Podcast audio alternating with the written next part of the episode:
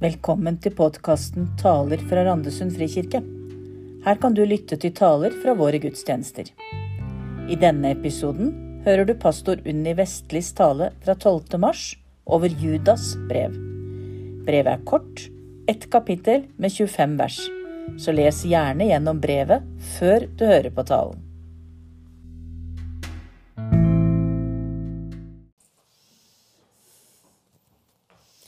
Er det noen her som er glad i å legge puslespill? Ja, det er noen i hvert fall som er glad i å legge puslespill. Jeg vet det var mange som begynte med det i pandemien. i hvert fall, eh, Å legge puslespill når man hadde masse tid og var inne. Eh, sånne puslespill med mange tusen brikker i og masse små eh, ulike nyanser. Og når du har brikkene utover dette bordet, så kan de se ganske like ut. Eh, på mange måter, selv om de har ulik form og farve. Og du, ser på en måte, eller du tenker på en måte at ja, her er det masse som hører sammen. Og Etter hvert som du pusler deg framover, så ser du åssen brikkene hører sammen og etter hvert ut, uh, utgjør et helt uh, bilde. Um, men hva om det plutselig har sniket seg inn en brikke som ikke hører til i puslespillet? Noen ganger så er det ganske lett å se. Nesten med en gang. Det er helt annerledes enn de andre brikkene, både i farge og form. og Du skjønner det, og du kan plukke den vekk. Eh, men andre ganger så er det nesten helt umulig å oppdage at denne brikka ikke hører hjemme i det puslespillet som du har, eh, som du har foran deg. Eh, fargene ser helt like ut som de, på de andre brikkene, i hvert fall av de som tører til noen steder på, på dette puslespillet. Og du ser det først. At brikka ikke hører hjemme i puslespillet. Og at den, at, ikke, at den ikke um, eh, At den er annerledes, at den ikke hører hjemme der. Når du har pusla nesten ferdig hele puslespillet og ser hele bildet. For da ser du at uh, fargenyansen er kanskje litt annerledes enn det det var på det puslespillet som du legger. Eh, formen passer ikke inn noe sted sammen med de andre brikkene som du har der. Og så har jeg tenkt at troa mi av og til ligner på et sånt puslespill. Med ulike brikker som settes sammen til et helt bilde som blir en hel tro. Og så sniker det seg av og til inn noen brikker som ikke hører hjemme i det puslespillet. Noen er lette å plukke ut. Det er så tydelig noe som ikke hører hjemme i det som jeg tror på når, prøver, når noen prøver å lære meg det. Som når noen sier at Jesus ikke lever i dag. Ikke vanskelig å plukke vekk i det hele tatt. Jeg vet at Jesus lever i dag. Det er det jeg har lært. Eller hvis noen sier at det finnes mange guder. Også lett å plukke vekk. Eh, men noen ganger så kommer det inn noen forhold, noen tanker, en lære, noen måter å leve på som er veldig nært og veldig likt det vi tror på, men som likevel er feil. Og for å bruke puslespillbildet det er som om det har en, bare en litt annen nyanse i fargene. En litt annen form. Et eller annet som gjør at det ikke passer inn. Sånn at bildet blir feil.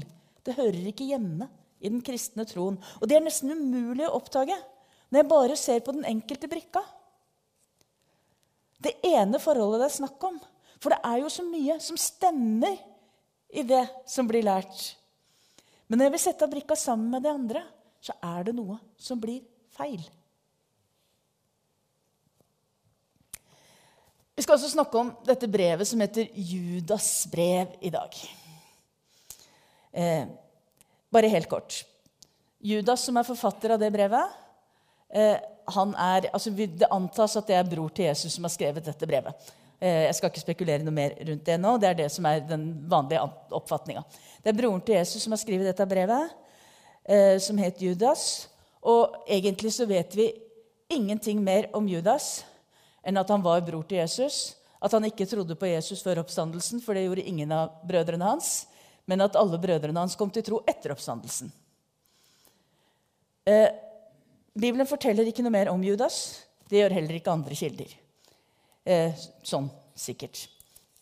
Men vi, Judas har også skrevet et brev. Så, så han var nok sentral i den første kristne kirka på en eller annen måte. Judas har skrevet dette brevet. Et kort brev. Det er ett kapittel, 25 vers. Og Jesus, nei, Judas har skrevet brevet, sier han, fordi han vil oppfordre de troende til å kjempe for troen. Litt uvant måte for oss å tenke på, for vi er vant til å tenke vi skal hvile i troen. Men vi skal også kjempe for den. Og dette er noe av det Judas skriver om. Dere må kjempe for troen. For den tro som de hellige en gang for alle har fått overlevert, sier han. For det har sneket seg noen folk blant dere, ugudelige mennesker, og de misbruker vår Guds nåde til et utsvevende liv, og de fornekter vår eneste hersker og Herre Jesus Kristus. Det har også oppstått vranglære i, blant de kristne. Det er noen som kommer og lærer noe annet enn det apostlene og Jesus selv lærte. Og denne vranglæren som de kommer med, er veldig lik en sånn puslespillbrikke som ligner mye på de andre puslespillbrikkene, men ikke er helt lik allikevel. For det handler om noe som tar utgangspunkt i, og dermed ligner, på det som er rett lære. Men så er det noen konklusjoner som trekkes, som gjør at det blir så feil. Det stemmer ikke med den kristne troen og det vi har lært. Og når vi skal sette det sammen i det store trosbildet, så blir det helt galt. Og Judas beskriver konsekvensene av den vranglæra som har kommet inn blant disse troende. De som følger den, lever et moralsk utsvevende liv og fornekter Jesus som sin herre, sier han. Og hva er det, hva er det for vranglære Judas snakker om her? Jeg leste det. Han snakker om de som misbruker Guds nåde til et utsvevende liv. Misbruker Guds nåde. Hva er det for noe? Er det å misbruke Guds nåde? Den gangen som jeg var tenåring, for veldig veldig mange år siden, på 70-tallet, eh, så var det noe som het Guds fred-bevegelsen. Og de hadde en sang, og der sang, sang vi. Noen tror at det å være en kristen er å synde alt man kan, og så bli tilgitt av Gud. Det er en misforståelse. Det var det vi sang. Og det handler om å misbruke Guds nåde. Det er akkurat det det handler om. Det handler rett og slett om å tro at når Gud tilgir oss syndene våre av nåde, når Gud gjennom Jesus Kristus har sona vår skyld, så spiller det egentlig ingen rolle hvordan vi lever. Ja, noen kan til og med si at eh, det er greit å synde mye, for da får vi enda mer tilgivelse. Og uansett så er vi jo likevel tilgitt. Nåden dekker over våre synder. Og så kan det se så tilforlatelig ut ved første øyekast. For utgangspunktet er jo helt rett. Gud tilgir oss. Når vi venner oss til Han og bekjenner, så vil Gud alltid tilgi oss. Og det skjer av Guds nåde. Det er ingen betingelser knytta til det. Vi hørtes løftesordet. Maria leste det her, eller eh, ja, Maria leste det her tidligere i dag. 1. Johannes 1,9, der det står dersom vi bekjenner syndene våre, er Han trofast og rettferdig, så Han tilgir oss og renser oss for all urett. Det er sannheten. Det er sannheten vi skal holde fast på. Av nåde er vi frelst. Fargene på puslespillsbrikka vår stemmer. De ser helt riktige ut. Nåde, bekjennelse. Gud har gjort alt. Vi skal ikke gjøre annet enn å tro. Men så blir nyansene feil når konklusjonen trekkes. At det da ikke spiller noen rolle hvordan vi lever våre liv. Det er ikke så lenge siden, det var i januar, så var romerbrevet tema for gudstjeneste her i Randesund frikirke. I den serien vi har med bøker fra, fra Bibelen. Og i romerbrevet så beskriver Paulus forholdet mellom Guds nåde og loven grundig.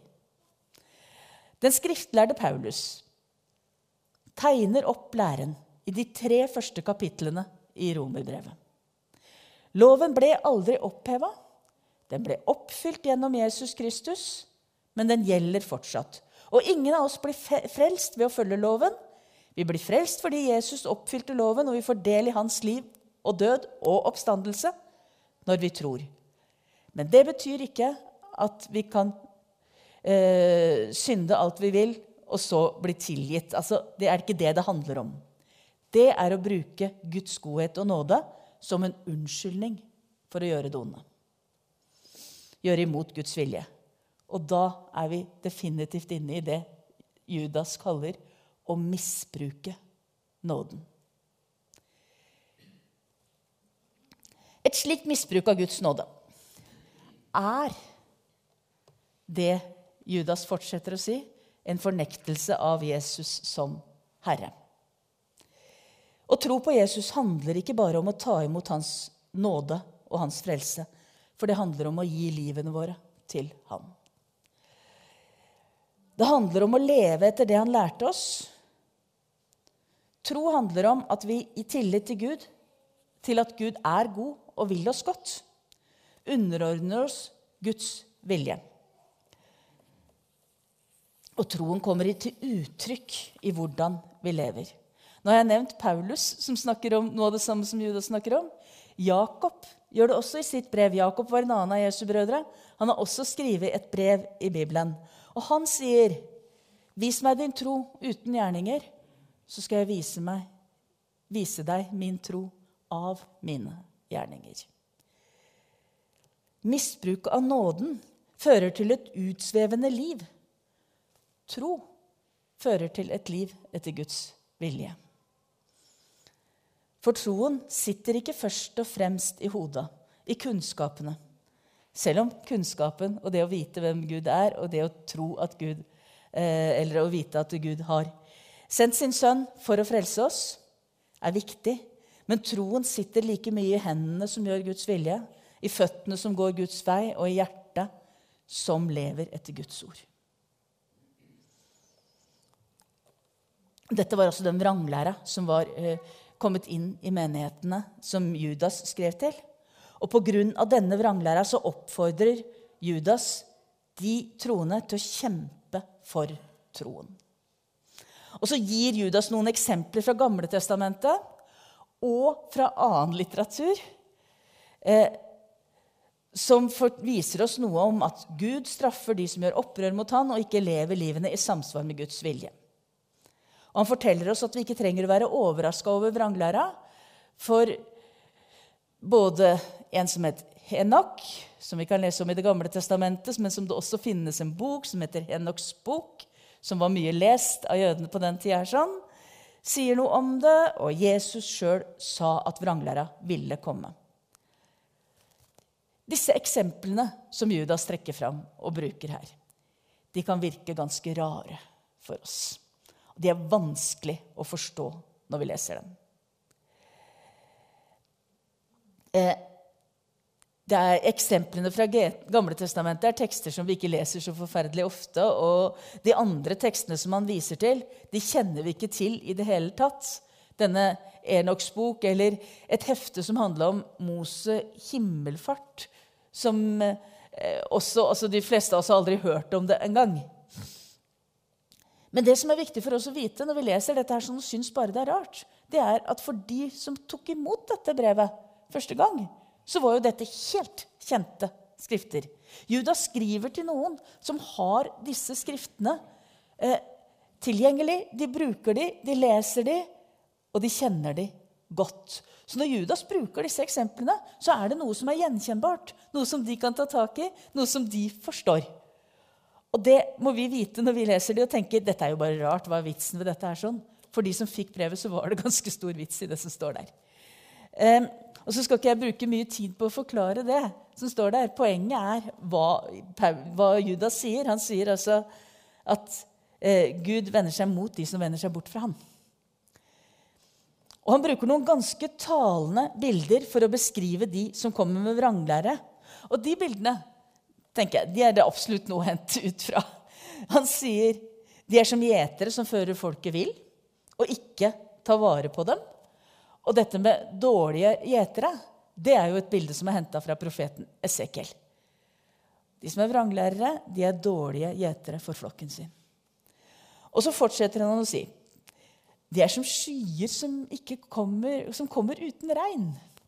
Og for oss som bor i Norge, hvor vi stort sett har mer enn nok nedbør, så tenker vi skyer uten regn. Ja, ja, det er jo deilig at det ikke regner i dag, i hvert fall. Det var ikke helt sånn der, i den konteksten dette ble skrevet.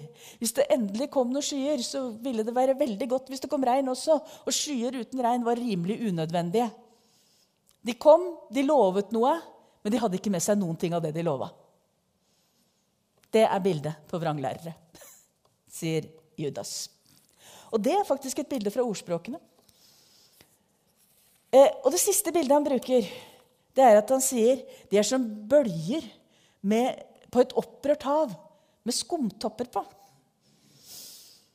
Og Det viser til at det er noen som, som de brisker seg over hvem de er. De pynter seg med skumtopper, for å si det sånn, som de har virvla opp fra bånn. De pynter seg med det utsvevende livet, de fryder seg over seg sjøl. Og de vil gjerne få ære fra mennesker. De vil få opphøyde posisjoner.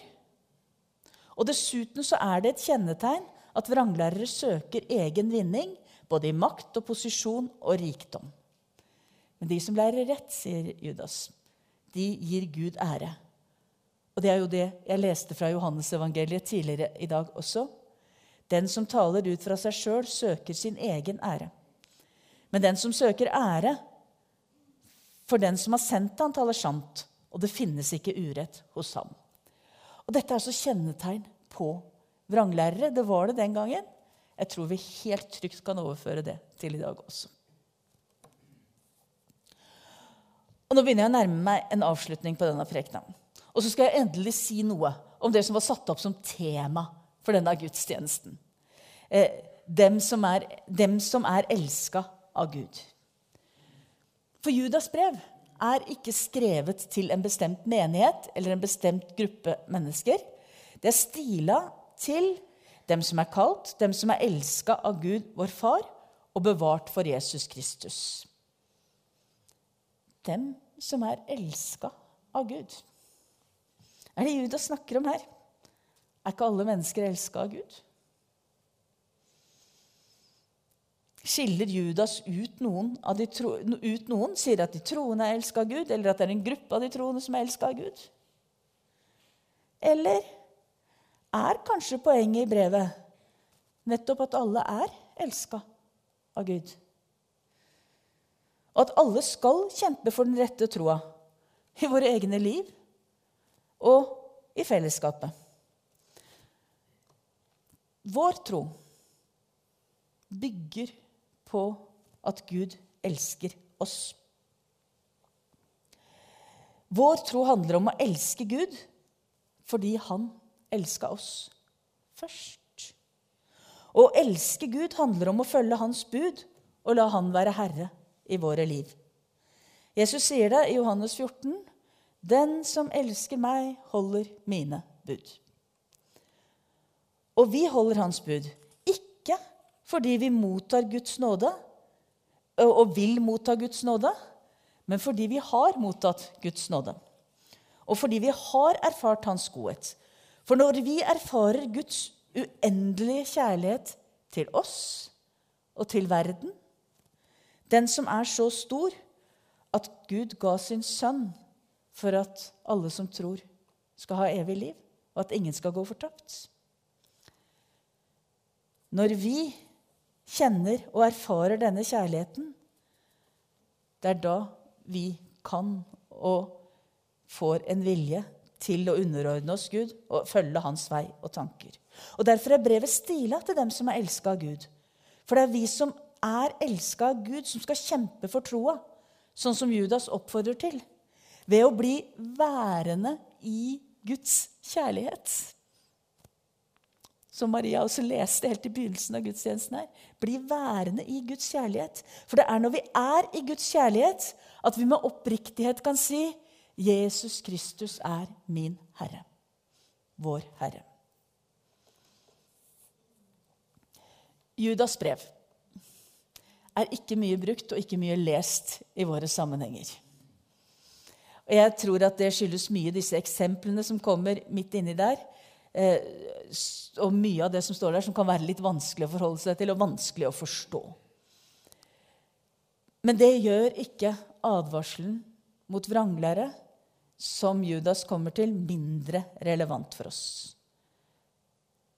Vranglære som forteller oss at det ikke er så farlig om vi synder, for Gud tilgir oss likevel, den eksisterer absolutt fortsatt i verden rundt oss. Annen vranglære finnes absolutt rundt oss. Det er mange puslespillbrikker vi får levert i våre liv, som ligner veldig på det vi tror på, men som kanskje ikke passer helt inn i bildet. Vi trenger fortsatt å kjempe for å holde fast på troa ved å bli værende i Guds kjærlighet. Og han som elsker oss, og som vi får elske tilbake. Han er den som har makt til å bevare oss fra fall og føre oss fram for sin herlighet, jublende og uten feil. Og han, den eneste Gud, vår frelser ved Jesus Kristus, vår Herre, han tilhører ære og majestet, velde og makt, før alle tider, nå og i alle evigheter. Amen.